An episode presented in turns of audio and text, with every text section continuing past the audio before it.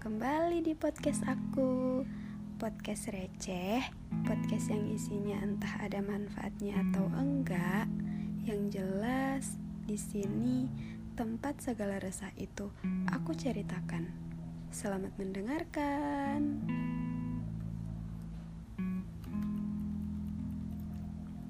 Mungkin sejak awal kita sudah salah mengira bis yang kita tumpangi ini hanya menuju satu pemberhentian terakhir.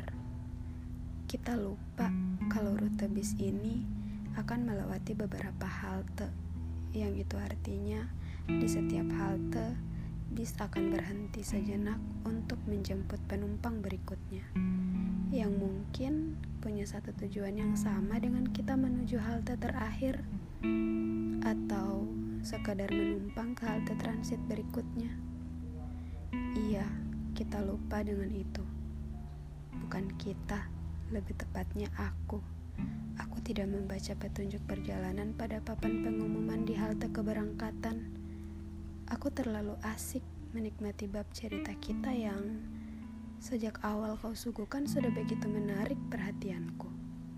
Aku sampai lupa Aku lupa menyapa penumpang yang lainnya yang padahal punya tujuan yang sama denganku.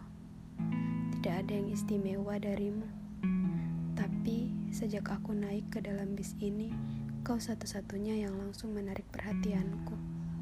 Celana jeans biru, kaos kuning lengan panjang dan sendal gunung yang warnanya agak pudar. Kau berbeda waktu itu. Halte demi halte kita lewati. Penumpang naik turun. Tapi kau masih ada. Semakin meyakinkanku bahwa kita memang akan turun di halte yang sama. Sampai akhirnya bis berhenti di pemberhentian terakhir. Kita sama-sama turun. Maksudnya semua penumpang turun. Dan ternyata saat turun kau tidak sendirian. Kau menggandeng tangan seorang penumpang yang sepertinya penumpang yang naik dari halte yang sama denganku. Aku terlalu fokus dengan pemandangan selama perjalanan, hingga tidak sadar ada orang lain di dalam bis ini yang menarik perhatianmu juga. Aku pikir pemberhentian ini adalah tujuan akhir. Ternyata kita masih punya tujuan lain yaitu rumah. Dan rumah itu bukan kita. Kita hanya berbagi cerita selama perjalanan, tapi tidak berbagi hati. Hmm, maksudku, aku yang tidak sadar kalau sejak awal hatimu memang sudah buat orang lain. Aku pikir obrolan kita yang menarik selama perjalanan itu sudah menarik juga buat kamu. Ada orang lain yang lebih menarik ternyata. Terima kasih untuk kalimat perpisahan yang mengesankan itu. Sangat mendadak. Sesaat sebelum kau naik bis berikutnya. Tidak apa. Aku akan selalu ingat bahwa kita pernah berada di satu bis yang sama yang walaupun akhirnya tidak menuju rumah yang sama. Aku masih di sini, di halte terakhir kita turun. Masih bingung mau naik bis yang mana menuju rumah. Bukan lupa, tapi memang tidak tahu ke mana arah rumah.